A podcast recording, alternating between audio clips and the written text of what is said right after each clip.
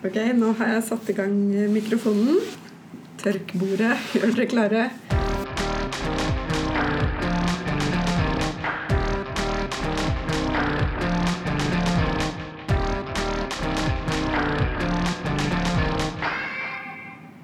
Godt nyttår og hjertelig velkommen til fjerde episode av eh, litteraturpodkasten 'Stolthet og fordom'.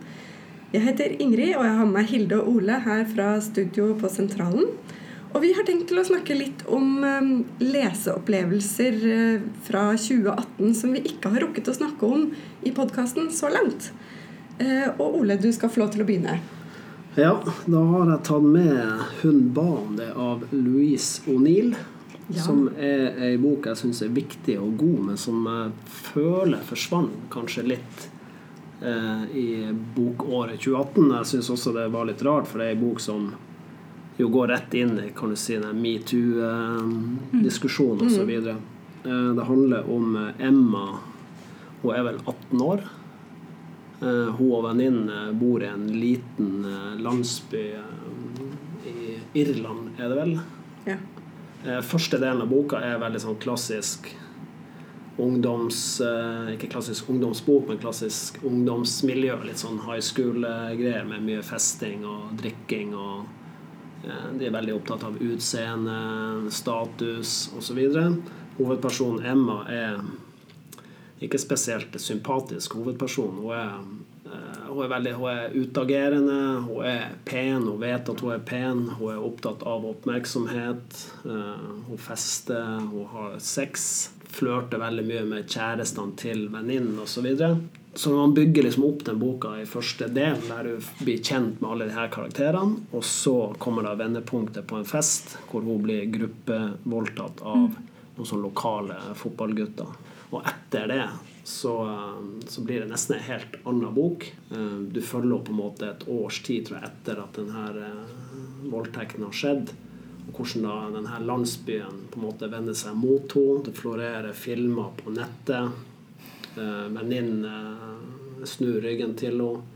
Altså får ikke noe Selv foreldrene, mora og faren, er også litt sånn Ikke særlig sympati. Det er kanskje den eneste broren som, som ser henne. Ja, etter det så syns jeg den boka bare raser av gårde. Mm. Både i uh, tempoet i boka, men også i, i leseren, uh, mitt eget hode. For du blir skikkelig forbanna når, mm. når, du ser den reaksjonen uh, hun får. Fordi at hun var en, en jente som var utagerende og mm. flørtete, mm. så, så, ba hun egentlig om det. Og de lokale fotballguttene er litt sånn helter. Så, mm. eh, når den an, voldtekten blir anmeldt, så står man i fare for å ødelegge livet til, til eh, de guttene. Mm.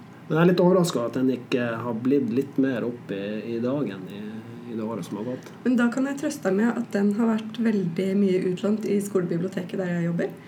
Eh, og det er mange som spør etter den, og elevene anbefaler den for hverandre. Så, oh ja, så den funker? Det, den funker veldig ja. godt på mm. målgruppa mi, som er 16 til 19 år. Det, det, bygger seg opp. Du vet jo at det kommer til å skje. Mm.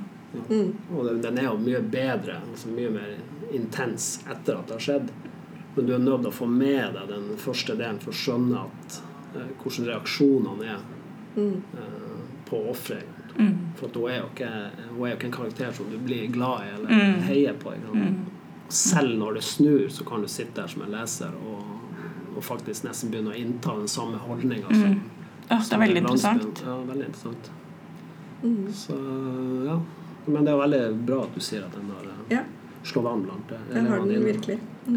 Så jeg vil jo anbefale alle bibliotekarene og lærerne andre formidlere som hører på, til å, til å finne den fram. Mm. Louise O'Neill, hun ba om det.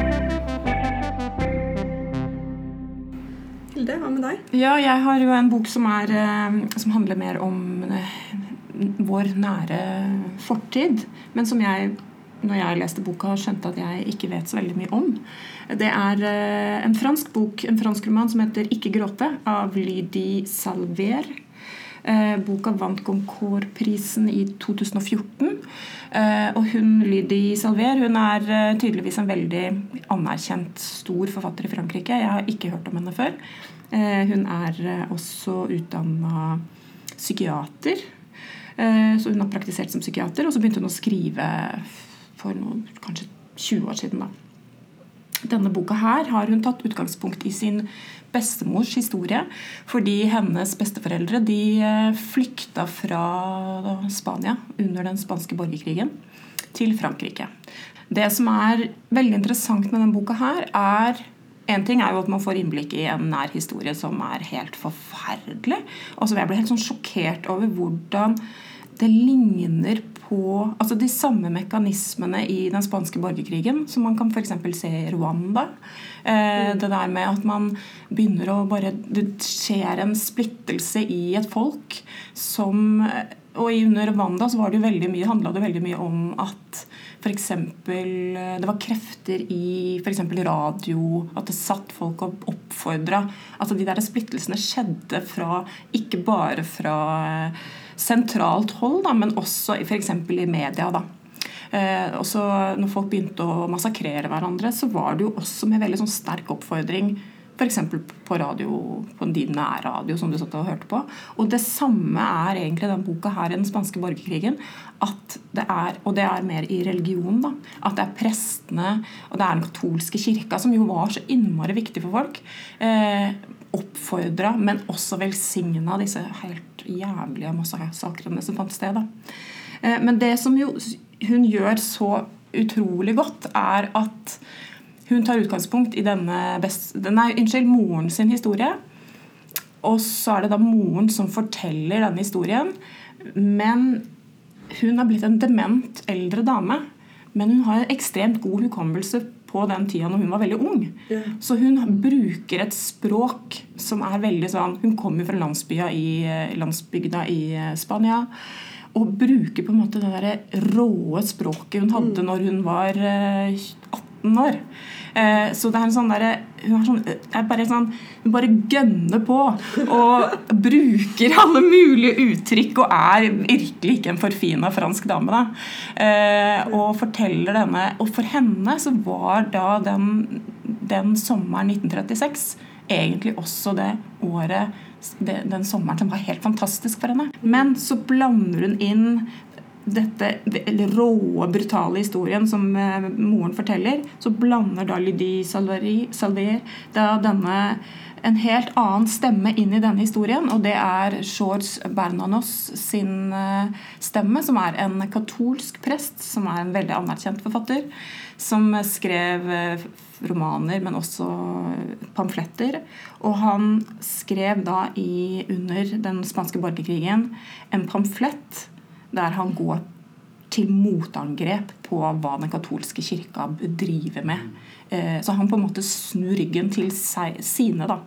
Og han blir jo virkelig straffa hardt for det. Eh, og det ender med at han navngir alle eh, prester og de som virkelig er med på toppen, da, som har velsigna det som foregår i en sånn lang liste da, på slutten av denne pamfletten.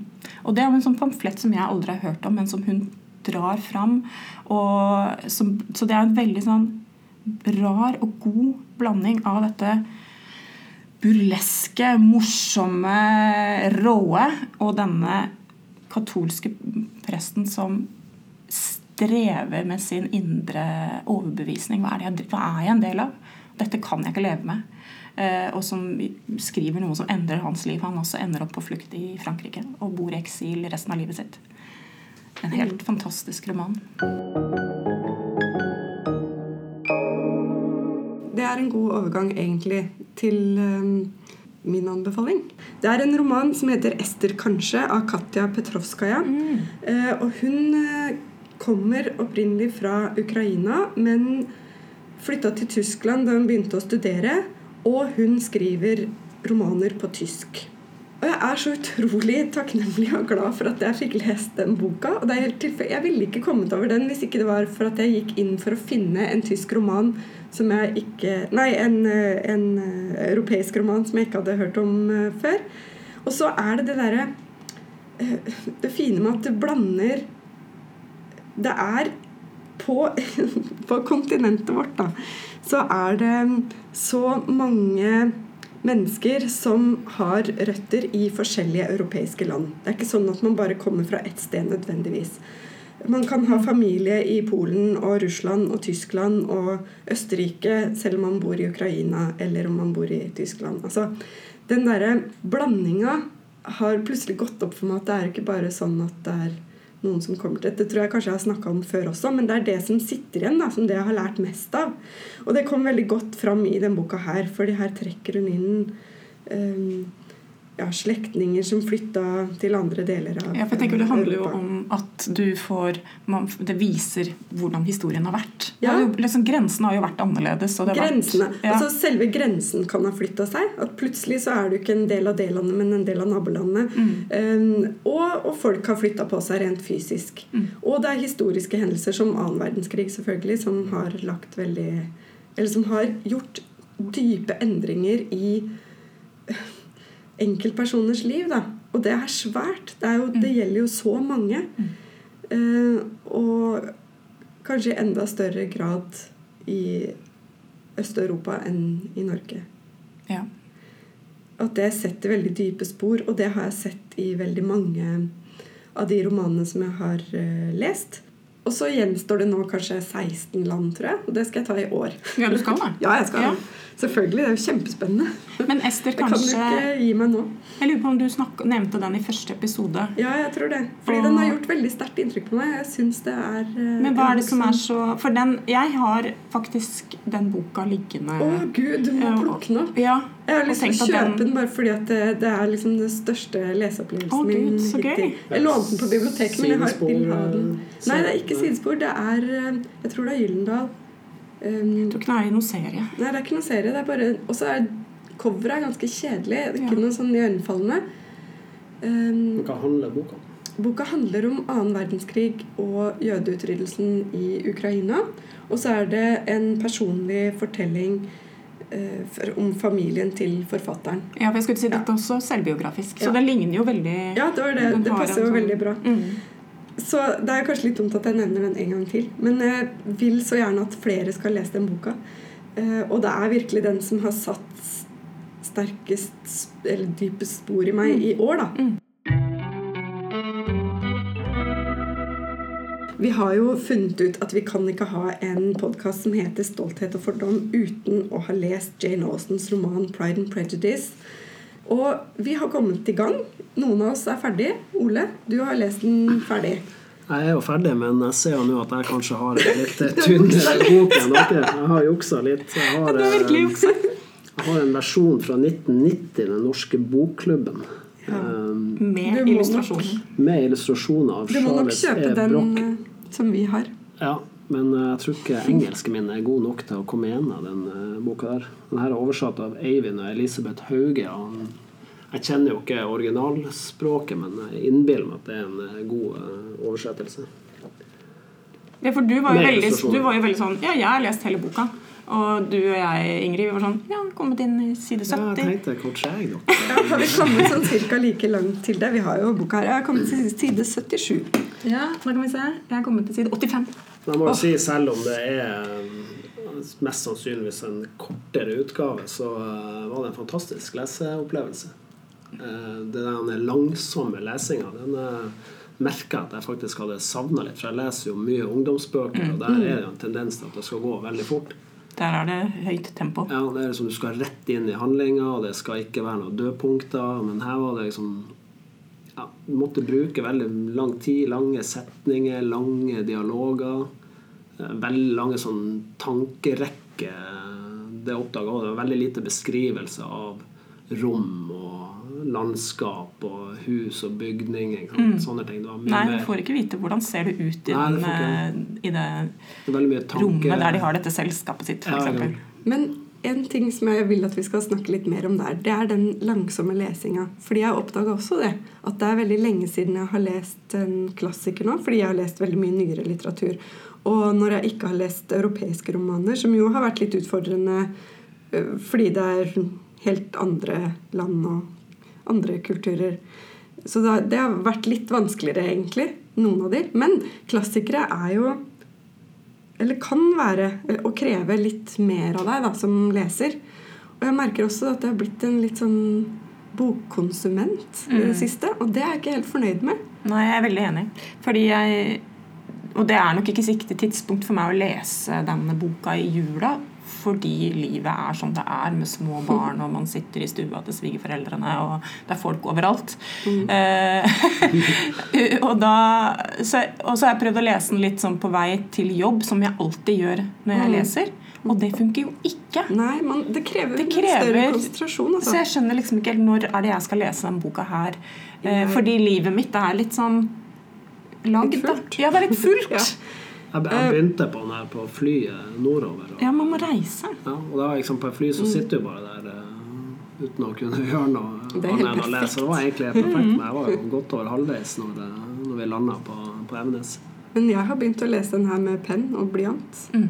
Ta Eh, Og jeg tar notater i margen, Mm. og jeg syns det er skikkelig stas. Mm. Og så er det gøy å mm, kjenne igjen sitater, fordi det er jo en veldig mye sitert bok. eh, Og det er eh, Du kjenner jo igjen karakterene fra filmene, og jeg tar meg litt i det å, å se for meg hvordan de forskjellige personene er eh, fremstilt på film. da. Sånn som moren, Vi snakka litt om det i stad før vi begynte, at moren er eh, litt sånn eh, comic relief i TV-serien, mens i boka så syns jeg at eh, Og Det er et vanskelig Ja, person. hun er kjip, vanskelig. mennesker. Ja, hun er kjip, rett og slett. Ja. Og så her ja, og det, det får det for så vidt litt fram i serien også, men der er hun litt mer sånn ja, ja.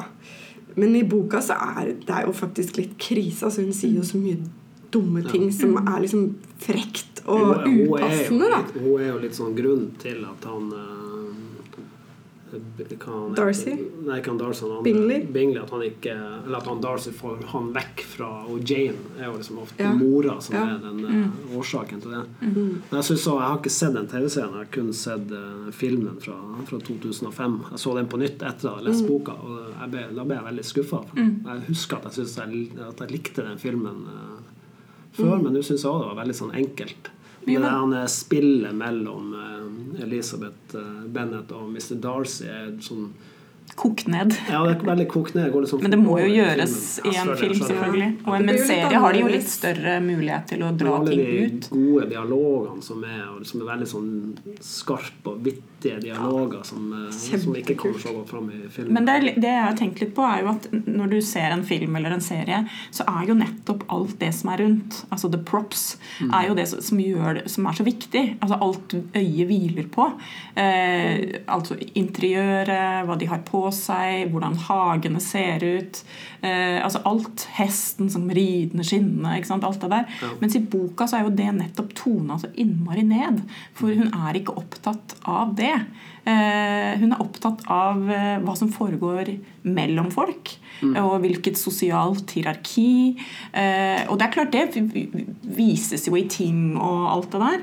Men det er ikke det 'Stolthet og fordom'-boka er opptatt av. Den, hun gjør det jo på en helt annen måte i boka enn hvordan man gjør det i serier og i eh, film. Ja. Og jeg lurer på om det er der vi blir litt sånn Det er jo litt sånn grunt. Det er jo ikke kostymedrama, det her. Nei, dette det er jo helt, virkelig- det er antitesen til kostymedrama. Ja, og noe av det som er eh, aller mest spennende, er jo det derre jeg, jeg, jeg syns det kommer så godt fram her at Mr. Darcy er veldig betatt av Elizabeth Bennet med en Ja, gang. det skjer jo og det gang. Skjer jo what? ikke egentlig i serien. Der er han litt sånn hoven og dum. Mens her så, så får du får faktisk vite helt eksplisitt at han må holde seg for Ja. å ikke liksom vise noen følelser. Ja. Og det, det Han virker jo bare som en sånn hoven blei i TV-serien i forhold til hva du får inntrykk av i boka. da. Mm. Uh, og det syns jeg var skikkelig sånn Å, nei! Det er jo mye, Det er mye mer sterkere i boka. Ja, fordi da vi vet jo noe som Elisabeth ikke vet. eh, Ja. På en helt annen måte enn når vi ser filmen og serien. Uh, I serien kommer det på en måte litt brått på. Ja, det kommer litt- hvorfor han kommer skjedde som det? Bardus Ja. uh, bare sier at ja, uh, sånn er det. Men her så får du jo vite det allerede ganske tidlig. Mm. Jeg har ikke kommet så langt ennå. Han har allerede begynt å måtte jobbe hardt for å ikke, ikke se for mye på henne eller ikke Mm. avsløre sine affections. Altså Mannsrollene også, de er jo også like trange. Ja, de har jo ingen muligheter til å eh, utfolde seg Nei, fritt i heller. Enda selvfølgelig altså, Men det Det er at jo kvinnen skal drøyt være at ren og uskyldig og skal ikke skal løpe over jordet og Ja, når hun kommer sånn heseblesende og har gått Når hun søsteren er blitt sjuk, og hun kommer liksom med skjørtet fullt av gjørme. Men veldig bra Hva heter det? Complexion. For det, hun har jo løpt, liksom. De er litt sånn Oi, det var, litt, det var jo litt lekkert med denne, disse røde kinnene, men Og det Og er jo liksom, liksom, Mora er jo Hun er jo det eneste hun vil, er å gifte bort de her døtrene. Ja. og Bestevenninna til Elisabeth også, som gifter seg med han eh, pressen. Uh, Mr. Collins, ikke det han heter? Jo. Hun er jo også? Hun ser bare mulighet til å få seg ja, En bli Ja. sikret. En fremtid. fremtid. Og det tenker jeg er helt, helt reelt. Det er Altså- også premisset for boka. ikke Ja. sant? Det her er det Sånn fem, er eh, fem søstre som ikke kommer til å arve en skit. Mm. De er nødt til å gifte seg for å i det hele tatt overleve. Hvis faren er så uheldig og dør før de er gift, så har de et kjempeproblem, for da blir de kasta Mm. Ut ut. av huset sitt. Og det er jo Ja. dypt alvorlig, og et samfunnsproblem som eh, Jane Austen tar opp i den boka her, som jeg syns er eh, Og faren, Ja, det er faren er for øvrig en veldig fin person. Faren, ja. han er helt fantastisk. Ja. Ja, han er kul. Men vi skal snakke mer om Pride and Prejudice eh, ved en senere anledning, når Hilde og jeg har kommet gjennom den Når vi har fått litt reist. tykke eh, engelske utgaven vi har her. Ikke gjør det så vanskelig for deg selv. Så du skal ikke Jeg tror jeg kanskje har eh, registrert. Veldig bra. Men vi har jo en fast post i denne podkasten, og det er eh, en bokanbefaling hver til slutt. Jeg kan eh, godt eh, starte. Jeg har tatt med meg ei ungdomsbok av Liv Marit Weberg som heter 'Påstander om meg i tilfeldig rekkefølge'. Som da handler om Veifa. Tar det fra en sånn en eh, Ibux-pakke. Ja, det er sånn legemiddelfirma. legemiddelfirma. Som, Jeg bare, Hvor har jeg hørt det? Ibux-pakken. Det her er jo tredje boka til, til Weberg, og fortsetter jo litt i samme, samme sjanger. Hun eh, Veifa, hun bor i blokk. Hun, eh, Bra navn. ja, veldig bra navn. Hun bor i blokk og får noen venninner som, som da bor i villastrøk. Og så skisserer hun noen påstander som venninnen har kommet om henne, og så svarer hun da på de påstandene i hvert eh, kapittel. Og det er alt fra liksom at du, hun liker ikke å tilhøre en gjeng, hun overdriver, hun er så sær, sånne type ting. Eh, og så da greier hun ut å fortelle hvordan denne påstanden har oppstått, og, og eh, prøver da på en måte å falsifisere den, den påstanden. Og det er jo klassisk Weberg-humor. Litt sånn småironisk, småsarkastisk, men også er sånn samfunnskritisk. For at eh, her, er, her er en hovedperson som du egentlig heier på, selv om hun er litt eh, sær og, og, og bakpå, kanskje, så tenker du at hun, eh, hun har jo egentlig rett i måten hun ser eh, samfunnet på, i motsetning til de her som bor i villastrøket, som bare er opptatt av fasaden, og som kanskje ikke tør å mene ting eller mene det samme som en inn for å passe inn. Ikke sant? Så gir hun fullstendig faen i det. Ikke sant? Jeg får litt sånn en, eh, litt sånn Curb Your Enthusiasm, uh, Å, ja. Larry Ja, kult. David-film når, jeg- når jeg leste. Hilde? Ja, din eh, anbefaling? Min anbefaling er jo som vanlig ikke av det morsomme slaget. Men den er veldig, veldig varm, og det slo meg litt i bakken, den boka her. Jeg har tatt med meg Joakim Førsund sin eh, andre roman, 'Ildverket'. Den kom i 2016. Og jeg husker at den fikk ganske gode kritikker, og at jeg hadde lyst til å lese den, og så bare gikk toget, holdt jeg på å si. Så leste jeg den aldri. Nå har jeg lest den.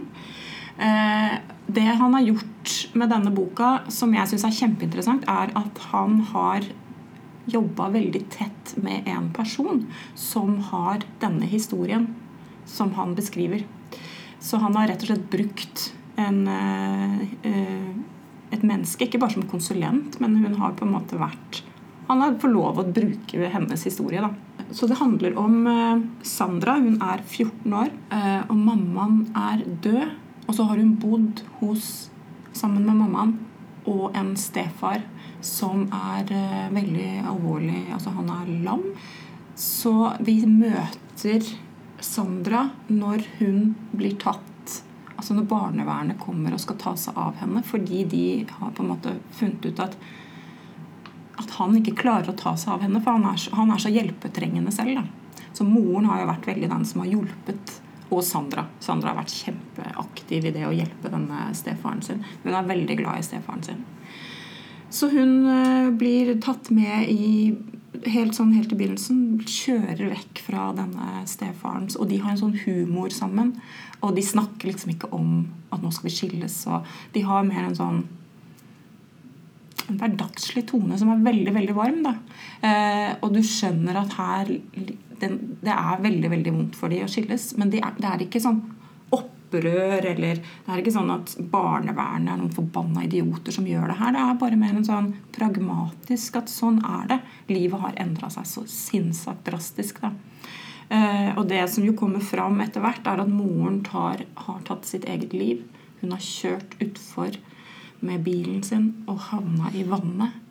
Og hun har vært kjempedeprimert. Strevd skikkelig med livet sitt. Så Sandra har liksom vært denne voksne i Eller vært denne som har tatt veldig mye ansvar, i hvert fall. da.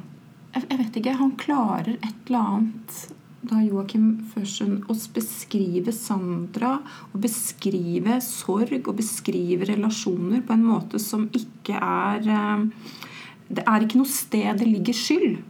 Eh, Det er bare veldig komplisert. Eh, Og veldig mange som ønsker at noe godt skal skje i f.eks. hennes liv.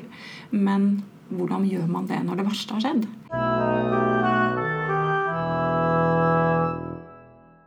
Jeg vil gjerne snakke om en eh, bok som jeg fikk etter forrige podkastepisode. Det er så bra, for da snakket vi om at jeg aldri får bøker i gave. Å ja! Ja.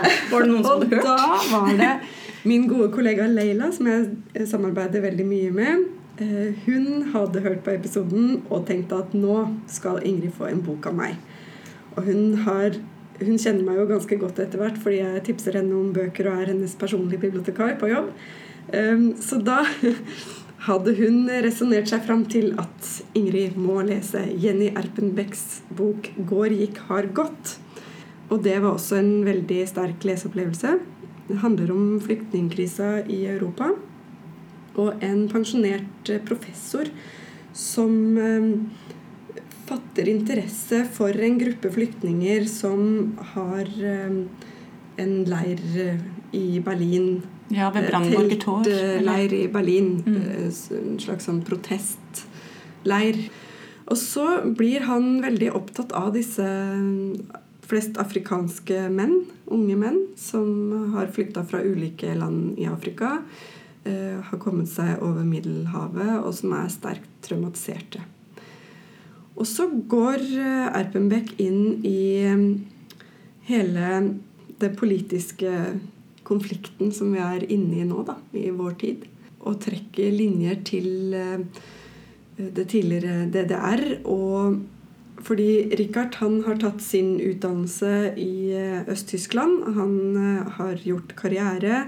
Og så kom murens fall, og hele den verden som han var oppdratt i, og som han levde i, den forsvant. ikke sant? Og så må du omstille deg og fornye deg og tenke annerledes. Og det er jo på en måte en parallell til den verden som disse flyktningmennene befinner seg i. Mm. De må også tenke annerledes. Ting er ikke sånn som de hadde forventa. Det er mange, mange paralleller, og den viser veldig tydelig hvordan verden ikke er statisk. da. Hvordan det hele tiden forandrer seg. At man ikke kan forvente at ting skal være akkurat sånn som det alltid har vært. Jeg syns det var en veldig spennende bok, og det var en veldig fin avslutning på leseåret at jeg fikk lest den boka. Så tusen takk, Leila. Jeg er veldig glad for at du hører på podkasten vår. Vi skal runde av eh, denne episoden. Eh, Ønske alle lytterne våre godt nytt år og godt nytt leseår. Og så kommer vi tilbake om en måneds tid.